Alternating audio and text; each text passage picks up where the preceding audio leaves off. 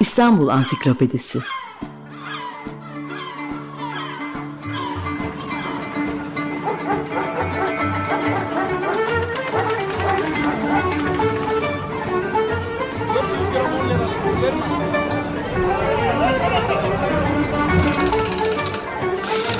İnsanlar, olaylar, mekanlar, gelenekler ve ihtiyaçlar üzerinden şehrin tarihinden sayfalar.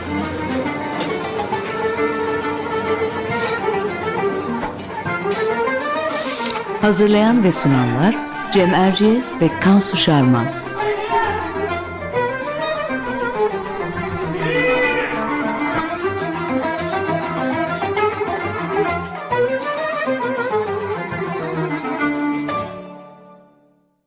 Merhaba, ben Cem Erciyes. Açık Radyo'da Kansu Şarman'la birlikte hazırladığımız İstanbul Ansiklopedisi'nin 12. programındayız. Bu hafta program konumuz İstanbul'da Levantenler. Konuğumuz ise kendisi de Levanten bir aileden gelen, Levantenler konusunda çalışan araştırmacı ve yazar Rinaldo Marmara. Hoş geldiniz Rinaldo Bey. Hoş bulduk. Her hafta olduğu gibi konuyla ilgili biz Kansu ile kısa bir giriş yapıp biraz özetlemeye çalışacağız. Sonra sözü Rinaldo Bey'e bırakacağız. Evet, e, İstanbul Levanten cemaatinin kökeninde Bizans İmparatorluğu'na ticari sebeplerle yerleşen İtalyan kolonilerinin bulunduğunu biliyoruz. Denizci İtalyan Cumhuriyetlerinin halkları Amalfililer, Venedikliler, Cenevizliler, Pizalılar 10. yüzyıldan itibaren iki kıtanın kesişme noktasında kurulmuş olan bu kente İstanbul'a akmaya başlamışlar. Bu Levanten toplumunun dini, ticari ve kültürel hayatı İstanbul'da Galata'nın Cenevizlere teslim edildiği tarih olan 1267 yılından itibaren giderek daha fazla Galata'da yoğunlaşmış.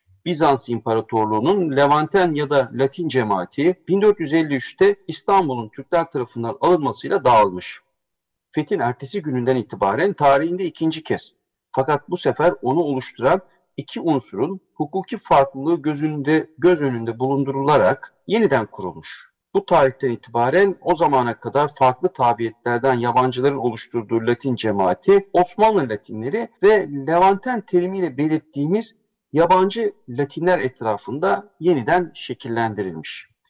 Tabi Tanzimat e, yeni bir sayfa açıyor e, Levantenlerin hayatında değil mi Kansu? Evet, e, 1839'da Tanzimat'ın ilanıyla İstanbul Latin cemaati için altın çağ olarak nitelendirilebilecek e, yeni bir dönem başlıyor. 1856'da ıslahat fermanı ve 1867 kanunuyla yabancılara gayrimenkul edinme hakkının verilmesi 19. yüzyılın ortalarından 20. yüzyılın başına kadar İstanbul Latin cemaatinin veya Levantenlerin tarih, tarihlerindeki en parlak dönemini yaşamalarını sağlıyor. E, şimdi bu kısa girişte, girişten sonra e, konuğumuz Rinaldo Marmara'ya dönelim. E, Rinaldo Marmara'nın bu konuda birçok kitap ve makalesinin yanı sıra son olarak Türkiye İş Bankası Kültür Yayınları tarafından e, yayımlanan Osmanlı başkentinde bir Levanten semti Galata Pera adlı bir kitabı da bulunuyor. E, Rinaldo Bey e, öncelikle şöyle başlayalım istiyoruz. Levanten'i bir tanımlayalım istiyoruz. Levanten ismi nereden geliyor? Levanten kime denir? İstanbul'un gayrimüslim tebaasından farkı nedir? Evet, ilk başta size tebrikler. Çok güzel özetlediniz yani her şeyi anlattınız. Bilmiyorum şimdi ben tekrar bir şeyler anlatmaya çalışayım. Şimdi Levanten dediğiniz gibi 10. yüzyılda yani ilk başta Venedikliler gelmeye başladı. Yavaş yavaş yani Pizalılar, Amalfililer yani İstanbul'a gelmeye başlıyorlar tabi ticaret için. O zaman tabi Venediklilerden başladı bu Levanten ki doğu demektir, doğulu. Onu bunu niye yaptılar? Çünkü ayırt etmek için. Bir defa esas olarak Venedikliler yani Venedik'te kalanlar, yaşayanlar ve Venedik'ten ayrılıp da doğuya gidenler, ticaret yapanlar. Tabi bu doğuya gelenler ticaret yapıyorlardı ve kolay para kazanıyorlardı.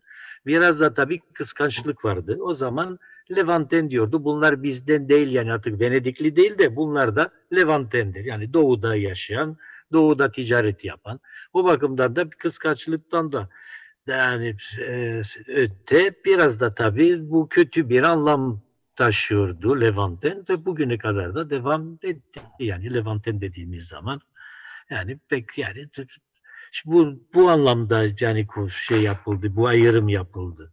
Tabii bir defa da Levanten bu genel olarak köküydü, nereden geliyorsa. Fakat aslında Levanten Herkes bir şeyler diyor tam olarak bilmeden. Bugün mesela Levantenleri gayrimüslimlerle karıştırılıyor. Yani Levanten bugün dedikleri çoğu da Ermeniler de Levantendir diyorlar. Rumlar da, Yahudiler de. Tabi o zaman herkes Levanten olduğu zaman da bir şey de bulmuş değiliz. Demek ki herkes Levanten diye yeni bir kavram meydana getirmeyiz. O zaman tekrar baş düşünelim yani kime Levanten deli diye diyebiliriz diye. Ermenileri, Yahudileri, Rumları ilk başta bir ekart etmek lazım. Onlar tabii çünkü gayrimüslimdi. Zaten adlandırmaları vardı. O zaman kala kala ne oluyor? Latinler kalıyor. Şimdi bu Latinleri de incelediğimiz zaman e, bu şey yani Bizans İmparatorluğu'nda bir sorun yoktu. Hepsi yabancı hüviyetli kişilerdi. Yani Bizalılar, Amalfililer, Venedikliler, Cenevizliler. Sorun ne zaman başlıyor? 1453'te İstanbul'un fethiyle. O zaman ne oluyor? Tabii fetihte çünkü kaçanlar vardır. Nereye kaçtılar? Tabii en yakın adalara, Sakız Adası'na diyelim. Tabii onlar kaçanlar ve bir de kalanlar. Kalanlar 1 Haziran yani 1453'te yani fermanı aldılar. Fatih'in fermanını. Herkes o fermanı ayrı, ayrıcalıklar olarak görüyor. Onlara tanınan. Ben halbuki onu başka türlü okuyorum. O Nasıl? ferman Latin, Osmanlı Latin cemaatinin kuruluş belgesidir. Yani o tarihten sonra bir tane Osmanlı Latin cemaati kurulmuş oluyor. Ve ondan sonra tabii gidenler de ondan sonra yavaş yavaş dönmeye başladılar tekrar tabii ticareti için tekrar e, yani İstanbul'a dönmeye başladılar. Ve onlar da yabancı hüviyetlerini yani e, yani koruyarak geldiler. Demek ki o tarihten itibaren ne oluyor? Latin cemaati ikiye ayrılıyor. Bir Osmanlı Latinleri, bir de yabancı olarak dediğimiz Latinler. O yabancı Latinler o zamanın kanunlarına göre yani bir seneden fazla Osmanlı İmparatorluğu'nda kalamıyorlar. Hı hı. Kaldıkları zaman yabancılık vasıflarını kaybediyorlardı ve bir daha da yurt dışına çıkamıyorlardı. Artık Osmanlı'da kalıyorlardı. Osmanlı tebaanlıydı. Evet, bu peki. kapitülasyonlarla bu e, müddet tabii uzatıldı yavaş yavaş. Yani bir sene, on sene iç nazar itibarı alınmadı. Ve o tarihten sonra demek ki bu yabancı Levantenler veya Latinler de yani e, ortaya çıktı. Biz o zaman ben ne diyorum bu gruba? Levanten diyoruz. Çünkü eskiden de Levanten deniyordu. Yani tarihi bir isimdir bugün. Fakat önemli değildir. Bir topluluk Levanten midir, değil midir? Önemli olan Osmanlı İmparatorluğu'nda yabancıların meydana getirdiği bir cemaatin varlığını kabul etmektir. O cemaate ister Levanten deyin, ister başka bir şey deyin, hiç önemli değil. Peki burada hemen şu soru akla geliyor. Ee, İstanbul'da Levantenler Osmanlı döneminden bu yana nüfus olarak nerede daha yoğun olarak yerleşik bulundular ya da bulunurlar? Şimdi dediğimiz gibi niye İstanbul'a geldiler o zaman Türkiye yani doğuya ticaret yapmak için. Evet. O zaman normal olarak bütün liman şehirlerinde. Tabii en çok da İstanbul ve İzmir. Ama tabii Karadeniz'de de vardı, Akdeniz'de de bütün liman şehirlerinde. Ufak İstanbul'da hep Galata'da mı oturdular? E ilk başta yani Galata Pera'ydı. Galata başladılar. Galata Pera 1870 yangınından sonra ondan sonra yavaş yavaş Pangaltı'ya geçmeye başladılar ama bir ara yani Taksim dediğiniz zaman yani şehir bitiyordu. Zaten orada mezarlık vardı. Granşan mezarlığı. Ondan sonra o mezarlık şeye taşındı 1846'da. Şey, e, yani yani Pangaltı'ya taşındı. O zaman Anadolu Pangaltı yakasında şehri da varlar mı? Nasıl? Anadolu yakasında. Orada da tabii, orada da ama en çokları tabii tabii bu yakadaydı. Mo- modada modada e, bir Levanten aile olan Vitaller tarafından kuruldu diye e, biliriz. Tabii tabii. Böyle bir genel Tabii bir her tarafa yayıldılar ama tabii biz en çok diyoruz. En çok tabii Galata, Perador. Ondan sonra karşı sahile geçtiler. Peki her tarafa dağıldılar ama esas olarak yerler yani Pera, Galata ve Pangaltya 1870'lerden sonra. peki e, ha- hangi dili konuşuyorlardı? Yani şimdi Levantenler Latin toplumu baştan beri konuşuyoruz. Daha çok İtalyanlardan oluşuyor. E, ama galiba Fransızlar da var ve bir de e, yine sizin ya, kitabınızdan biliyoruz ki bir tür e, lingua franca e, buradaki Levanten toplumu için e, Rumca konuşuyorlar aralarında. Evet yani dediğiniz gibi tabii Levantenler ço- çoğunlukta İtalyandı. O zaman Levanten dediğiniz zaman aklınıza tabii İtalyanlar geliyor. Çünkü en kalabalık diyelim ki cemaatti. Fakat onun yanında Fransızlar vardı, Avusturyalılar vardı, Evet. Hollandalılar vardı, Almanlar vardı. Tabii onlar bütün Levanten yani biraz evvel dediğimiz gibi Levantenler yani Türkiye'de doğmuş ve yaşamış yabancı kişilerdir. Yani Osmanlı tebaasına geçmeyen kişiler bu topluluk. Şimdi fark dediğiniz zaman diğerleri gayrimüslimdi. Halbuki yabancılar kapitülasyonlardan gelen ayrıcalıklarla yaşıyorlardı ve faydalanıyorlardı ve ticaretini yapıyorlardı. Yani ayrı bir sınıftı. Dil meselesi nasıldı? Hangi diller Dil daha çok? meselesine Evet. gelince Evet. çoğu zaman da bu da önemli bir konudur. Aslında çünkü bu son zamanlarda neolevanteller de türedi. Ben her zaman buna karşıyım. Çünkü geliyorlar dışarıdan bu isim tabii enteresandır. Levanten ben de Neo-Levantenim. Fakat diyorum Leon Levantenle veya Levanten demekle neyiniz var? Hiçbir şey yok. Bir defa bunu bilmek lazım. Yani Levanten olarak bir kültürdü. Yani Levantenler ne yaptılar? Yani Doğu ile Batı kültürünün senteziydiler. Yani bu iki kültürü sentezini yaptılar.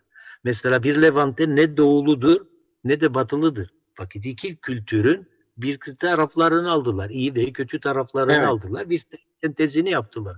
O zaman dışarıdan gelerek ben Levantenim demekle olmaz. Çünkü bu kültür dediğimiz bir düşünce tarzı vardı, konuşma tarzı vardı, yemek tarzı vardı ve bir de topluluklar arasında çünkü biraz evvel ne dedik İtalyanlar da Fransızlar yani Avusturyalılar bir ortak dilleri vardı. Bu ortak dilde Rumcaydı. Çünkü niye Rumca? Çünkü çoğu Latinler o zaman yani Yunan adalarından geldiler. Çünkü o zaman tabii Cenevizlilerin elinde ve Venediklilerin elindeydi bu de- adalar. Mesela Sakız Adası, Tinos Adası. Tabii oradan İzmir'e geliyorlar. İzmir'den de İstanbul'a. Evet. Beraberlerinde de bu dili konuşuyorlardı. Dışarıdan gelenler de bu dili yani konuşmaya gayret ediyorlardı. Zamanla öğreniyorlardı ve bilmedikleri kelimeleri de Rumlaştırıyorlardı. Peki hangi işlerle meşgul oluyorlardı e, Rinaldo Bey? Yani ticaret olarak diyoruz. Tabii, tabii Evet. ticaret tabii. Yani ticaretin değişik yani şeyleriyle ilk başta diyelim ki imalat olsun, ticaret olsun, ihracat olsun. Yani Türkiye'deki ürünleri dışarıya ithal ediyor yani ihracat ediyorlardı. Ondan sonra ithalattan moda ürünleri şapkaya kadar dışarıdan Paris'ten ithal ediyorlardı zenginler için. Yani devamlı bir ayrıcalıklı bir sınıftı kapitülasyonlardan dolayı. Nitekim de ondan sonra Cumhuriyet'ten sonra yavaş yavaş azalmaya başladı. Niye? Çünkü kap- kapitülasyonlar kaldı. Evet.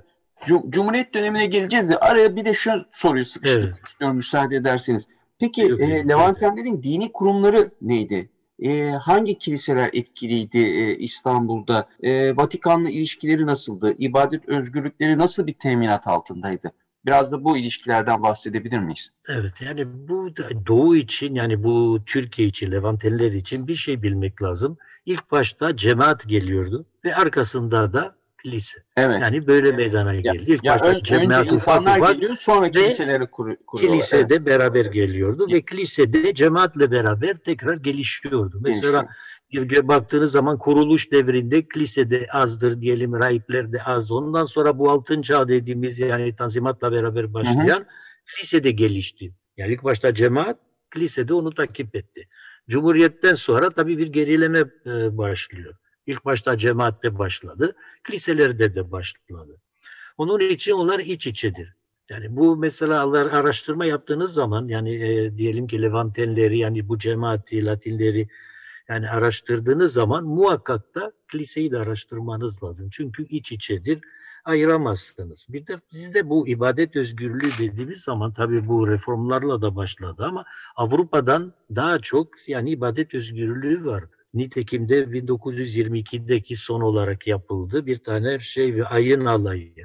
O ayın alın alayı yani düşünün ve diyelim ki başı şeydeydi Şişli'de kuyruğu da tüneldeydi. Yani tünelden başlamıştı. Düşünün o Şişli'ye kadar devam ediyoruz. Çünkü hepsi herkes katıldı. Bütün okullar, er okul dediğiniz bütün talebeler bandoları ile, hocaları ile, ondan sonra diğer cemiyetler hepsi sırayla sırayla ve diyorum o kadar bir uzun kuyruk meydana geldi ki bugün Avrupa'da böyle bir şey zaten yapılmıyordu ve Osmanlı'da bu ya, oluyordu. Onun için tam e, diyelim ki ticaret serbestisi vardı, din hürriyeti vardı. Yani en güzel Evet. zamandı diyebiliriz. Peki e. Rinaldo Bey e, Osmanlı döneminde Avrupa ile ülkeleriyle ilişkilerde Levantenler nasıl bir rol oynuyorlar? Yani ticaret yönünde olabiliyor tabii ticaret yönünde. Bir de tabii devamlı iyi ilişkiler vardı. Çünkü diye, dediğin gibi ihracat oluyordu, ithalat oluyordu devamlı. Ondan sonra kapitülasyonlardan dolayı ayrıcalıklı bir sınıftı. Yani bunu da unutmamak lazım. Ben her zaman bunun altını da çiziyorum. Yani Osmanlı İmparatorluğu'nda yani Avrupa Birliği e, modeli kuruldu. Bugün Avrupa'nın kurmak istediği ve tam olarak da beceremediği Osmanlı İmparatorluğu zamanında becerdi. Düşünün kolonileri de alırsak. Yani İtalyanlar, Fransızlar, diyelim ki Avusturyalılar, Almanlar neydi? Kapalı bir koloni gibi yaşıyorlardı. Her şeyleri vardı. İtalyanları ele alırsak ki en kalabalıktı. Evet, İtalyan e, okulları vardı. Hastaneleri vardı. Yaşlı yaşlıları için huzur evleri vardı. Sinemaları vardı. Tiyatroları vardı. Yani her şeyleri vardı değil mi? Bir tane şey son zamanlara kadar ne bileyim Fransız hastanesi, Alman hastanesi, İtalyan hastanesi her birinin kendi e, her şeyi vardı. O Hı zaman demek ki ayrı olarak yaşabiliyorlardı. İtalyanlar olsun, Fransızlar olsun ve aynı zamanda da Osmanlı İmparatorluğu içinde ayrı ayrı memleketler gibi. Bir de ortak dilleri de olan. Onun için ben her zaman diyorum Osmanlı İmparatorluğu kendi topraklarında yani bu Avrupa'nın kurulmak istenen Avrupa'nın modelini zaten o zaman kurdu. Ve Avrupa'nın da bu Osmanlı'dan da öğreneceği çok şey vardır bu konuda. Yani beraber yaşamanın kültürü. Peki e, e, programın girişinde Tanzimat döneminden sonra e, İstanbul'daki Latin cemaati veya Levantenlerle ilgili e, parlak bir dönemin yaşandığından bahsetmiştik. E, Tanzimattan sonra nasıl bir Levanten toplum yapısı görüyoruz? Osmanlı idaresinde rol alıyorlar mı örneğin? Yok yani daha çok Osmanlı'da rol almıyorlar çünkü onlar daha çok gayrimüslimler vazife görüyordu. Yani dışarıdan gelenler yabancılar daha çok dediğim ki yani kapalı bir ortamda daha çok ticaretle uğraşıyorlardı. Onlar yani ayrı bir sınıftı. Hmm. Yani resmi olarak tercümanlık falan yaptıklarını görmüyor muyuz? Sadece tercümanlık çünkü lisan bildikleri için tabii o tercüman okulları vardı. Tabii onlara drogman dediğimiz tabii onlar Evet. tabii onlar da daha çok tabii büyük elçiliklerde elçiliklerde tabii Osmanlı'da da böyle çalışıyorlardı ama onlar tabii Peki, azdı. peki 19. yüzyıl neden e, altın çağ denilecek kadar e, Levantenler için parlak olarak geçmiş? E çünkü Tanzimat'la 1800 yani 39'da yeni bir devir açılıyor artık. Yani eşitlik üzerinde kuruldu. Her şey daha serbest oldu. O bakımdan işte en iyi yerdi o zaman. Tabii dışarıdan herkes yavaş yavaş gelmeye başladı. Yavaş yavaş geldikten sonra da tabii o zaman gelişti. Yani gelişti, cemaat da gelişti. Diyorum zaten bugün ne gördüyseniz liseler falan hepsi hepsi bu 70 sene zarfında yapıldı. Yani 39'dan yani 40'tan Birinci Dünya Savaşı'na kadardı. Her şey bu zamanda yapıldı. O, O zaman Bankalar Caddesi keza. altın çağ dediğimiz her şey yani meydana yani bütün ne gördüyseniz gidin Büyükada'ya kilise. Hadi tarihine bakarsanız yani bu zaman zarfında yapıldı. Ve gelişti. Ondan sonra Cumhuriyet'le tabii gerileme başladı. Bunun da dediğim en büyük sebep tabii şey sebebidir yani yani kapitülasyonların kalkması. Kaldırılması. Biz de kanunlar ol- olarak bakarsak tabii tabii değişik kanunlar var. Bu tabii bu ay- ayrı bir inceleme konusudur ama en önemlisi 2007 sayılı kanundur. Biz de 932'de yanılmıyorsam. Evet 32'de. Ne getiriyordu 2007 sayılı kanun? O kanunla tabii o zaman ufak meslekleri yapamıyorlar. Ufak meslek dediğiniz berber, müzisyen veya başka bu şoför bunlar. E o zaman tabii bugüne kadar berber olan biri diyorsunuz ki artık berberlik yapmayacaksın başka bir iş işe gireceksin. O zaman tabii diyelim ki 45-50 yaşına gelmiş olan biri ne yapabilirdi? Ya bir şey yapamıyordu. Çoğu zaman yakalan kalabildi, gide gidebildi. Ya tabii Onunla biz- bir güvensizlik de demek bu belki de. Yani şimdi ta, e, Tanzimat Fermanı ile birlikte aslında e, çok etnikli, e, çok dinli bir e, toplum yapısı tam, ta- tanımlanıyor ve kabul ediliyor. E, bunun verdiği bir güven de var galiba, e, değil mi? E, yani mülkiyet edinme hakkı e, kendi ibadetini yerine getirebilme hakkı vesaire gibi şeyler veriliyor.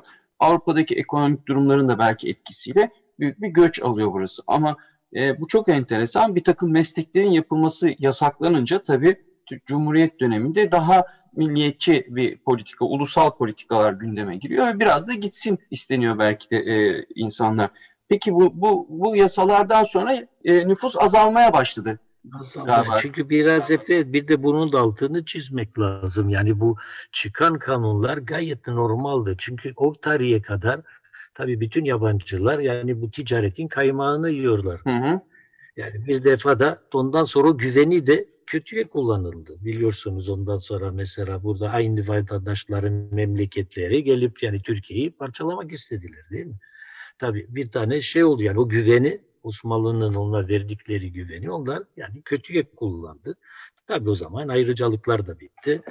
Ee, yavaş yavaş tabii Levanten dediğimiz yani yabancıların yani biraz azaldı. Bugün peki Türkiye e, kültüründe e, kalan hangi etkilerinden bahsedebiliriz? Yani Türkiye'deki bir takım e, o dönemde yani bin- 20. yüzyılın başında e, günümüzde hala sürdürülen bir takım alışkanlıklar, adetler, e, e, hatta etrafımızda İstanbul'un içerisinde bir takım yapılar, e, kiliseler, okullar, eski kulüp binaları, bütün bunları e, hatırlayacak olursak siz bu konuyla ilgili çalışan birisiniz. Nelerden bahsetmek istersiniz?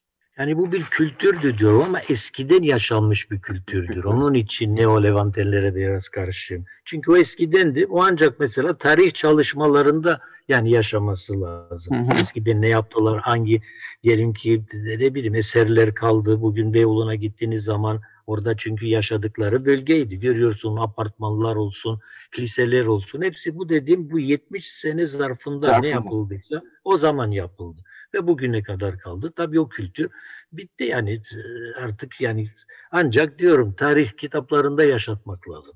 Yani Peki. konferanslarında. Çünkü önemli bir şeydi, önemli bir konu, önemli bir kültürdü. Diyorum onun sayesinde Avrupa Birliği'nin şeması çizildi. Yani şunu da sormak lazım. Tabii en başta konuştuk. Yani Bizans, ondan sonra e, Osmanlı'ya geçiş, fetihten sonraki ilişkiler ama sizin e, kitabınızda özellikle e, önemli bir şey bu. E, Galata bölgesinde bir Osmanlı La- Latin muhtarlığı, bir muhtariyetten bahsediyorsunuz. O dönemi biraz anlatır mısınız? Galata bölgesindeki Osmanlı Latin Evet. muhtarlığı. Tabii hepsini biraz özetli olarak diyorum. Evet. Tabii Süremiz tabii o kalmışken zaman- onu- biraz Evet. açalım istedim son dakikalarımızda. Evet. Çünkü o zaman ne oluyor? Bir de Evvelde dedim ki burada kalanlar ilk başta Fetih'te yani İstanbul'da kalanlar Osmanlı yani o Latin Osmanlı topluluğunu kurdular. Hı hı. Değil mi? E demek ki onların tabii e, çal- çalışabilmeleri için, yaşamaları için bir muhtarlık kurdular. Çünkü niye bir de burada bu sebeplerden dolayı çünkü bakınız diyelim Ermeniler, Yahudiler yani Rumlar millet olarak sayıldı. Fakat Latin ki Osmanlı Latinlere çünkü bütün karakteristikleri hayızdiler onlarda yani millet olmak için. Fakat hiçbir zaman millet olarak kabul edilmediler. Niye? Çünkü Fatih yani görmüştü, fark vardı. Ne farkı vardı? Yani cemaat buradaydı, başı dışarıdaydı. Hı hı. Yani Katoliklerin olsun, Latinlerin olsun yani dinsel olarak yani buradaydılar fakat başı Roma'daydı. O zaman kolonizasyon olurdu. Onun bu sebepten dolayı o zaman yani millet olarak sayılmadılar fakat Evet. millet gibiydi. Osmanlı milleti yani Latin Osmanlı milleti. O zaman onlar da tabii hayatlarını devam ettirebilmek için bir tane muhtarlık kurdular. Magnifica Comunita di Pera dedikleri. Ondan sonra Latin şey, kançelleri oldu yani oldu. Evet. Yani her zaman Peki. muhtarlık yani diyelim ki bu yabancı isimleri şekil etmezsek yani yani muhtarlık tipinde çalıştı. O da 1927'ye kadar. Ondan Evet. sonra o da kapandı. Evet, son olarak e, Rinaldo Bey hazır Vatikan demişken siz uzun yıllardır Vatikan arşivlerinde çalışan bir tarihçisiniz. E, aynı zamanda Vatikan'ın kültür ateşesi olarak da görev yapıyorsunuz. Burada hazır sizi bul- bulmuşken şunu da sormak istiyoruz. E, Osmanlı'nın diğer Avrupa milletleriyle ilişkisine dönük olarak Vatikan arşivinde çalışmak konusunda neler söyle- söylersiniz? Yapılacak daha neler var? Yani yapılacak çok şey var çünkü fazla bir şey yapılmadı. Soracaksınız niye bir şey yapılmadı? Bir de bırakalım. Herkes diyor Vatikan arşivlerine girmek zordur şeydir. Onları da bir kenara da bırakalım. Şimdi Vatikan arşivlerine girdikten sonra ne yapabilirsin? Önemli olan odur. E, Bugün Vatikan arşivlerinde yani Türkiye ile ilgili arşivleri okuyabilmek için yani bu son çağlar yani 18. 19. yüzyılda çok iyi derecede, çok iyi bunun altını çiziyorum. İtalyanca ve Fransızca bilmek lazım. Tek lisan bilirseniz fazla bir şey yaramaz. Çünkü diyelim ki bir mektup İtalyanca yazılıyor, cevabı Fransızcadır. Ve el yazması oldukları için yani çok iyi derecede bilmeniz lazım. Yani şeyi çözebilmek için. Bugün maalesef bugün herkes İngilizceye önem veriyor. İngilizce öğreniyor. E o zaman tabii Vatikan'a gidemezsiniz. Çünkü İngilizce ile Türkiye üzerinde hepsi İtalyanca, Fransızca yani. En büyük zorluk budur.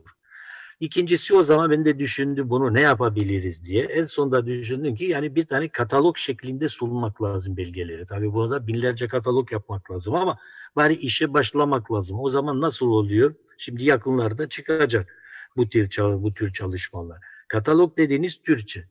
Yani bütün dosyanda orada ne var ne yok hepsi bütün belgeleri, numaraları ki aynılarını Vatikan'dan isteyebilirseniz referanslar olduktan sonra. Ama ondan sonra da bir de yenilik olarak hem katalog hem de belgeleri. Belgeleri orijinal lisanda. O zaman Türkçe katalogdan bakarsınız ha bu belge hoşuma gidiyor. Bakarsınız kitabın sonunda o belgeleri alırsınız birine verirsiniz tercüme ettirirsiniz. Ancak böyle olur. Yoksa oraya gitmek için listanları bilmek lazım. Bir de bunu da söylemek lazım. Şimdi 12. Pius'un devresi açıldı yeni olarak bu bu geçen senenin 2 Mart ayında. Tabii daha gidemedim bu Covid'den dolayı fakat bu sene inşallah giderim. Bu tabii bu da çok önemlidir. Onları çalışabilmek için de tabii çok kişi gitmeye başladı ve girme şartları biraz zorlaştı. Eskisi evet. kadar kolay değildi. Yani gitgide daha da zorlaşıyor. Çünkü herkes bu arşivlerin önemini kavuruyor. Önemini derseniz niye önemlidir? Çünkü bana göre bu Vatikan arşivleri en nötr arşivdir. Nötr arşiv ne demek ki? Tarafsızdır. Çünkü Vatikan'da milliyet mefhumu yok. Görüyorsunuz evet. bir pap Almandır, o birisi mesela Güney e, Amerikalıdır, Arjantinlidir, İtalyandır, e, Polonyalıdır. Demek ki bir milliyet mefhumu yoktur. Herkes olayları olduğu gibi yansıtıyorlar. Yansıtıyor. Bana göre. Süre, süre bitiyor. Onun için toparlayalım müsaade ederseniz. Ee, evet. Teşekkür ediyoruz. Çok sağ olun Rinaldo Bey. Ee, Kansu bu hafta ne okuyoruz ee, İstanbul Ansiklopedisinden? Programın son bölümünde her hafta olduğu gibi e, İstanbul Ansiklopedisi maddemiz L harfinden e, devam ediyor. E, ne yazmış Reşat Ekrem hocamız e, L harfi konusunda? Biliyorsunuz İstanbul Ansiklopedisi G'ye kadar olduğu için e, biz e, diğer eserlerinden ve ansiklopedinin diğer maddelerinden yararlanıyoruz. Konumuz e, Langa Bostanı. E, Reşat Ekrem Koçu Ansiklopedisinden, İstanbul Ansiklopedisinden Bostanlar maddesinden okuyalım. İstanbul'da bostanlar Boğaziçi köyleri, Anadolu ve Rumeli yakası, Marmara sahil köyleri ve İstanbul'un tarihi yarımada surlarının altında geniş bir ölçüde yer alır. Bunların arasında en önemlileri Langa çevresindedir. Büyük Langa Bostanı, Küçük Langa Bostanı, Küçük Langa'da Tokmaklı Bostan e, en önemlilerinden sayılıyor.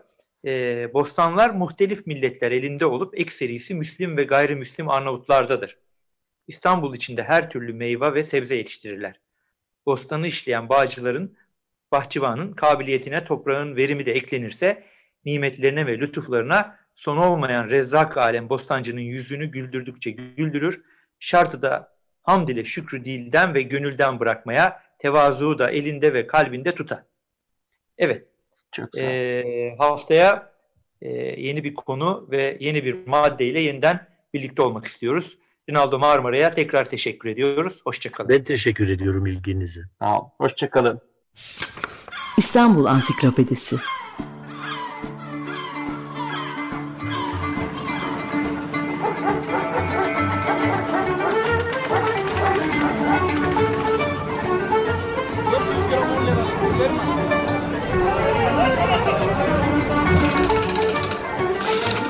İnsanlar, olaylar, mekanlar, gelenekler ve ihtiyaçlar üzerinden şehrin tarihinden sayfalar.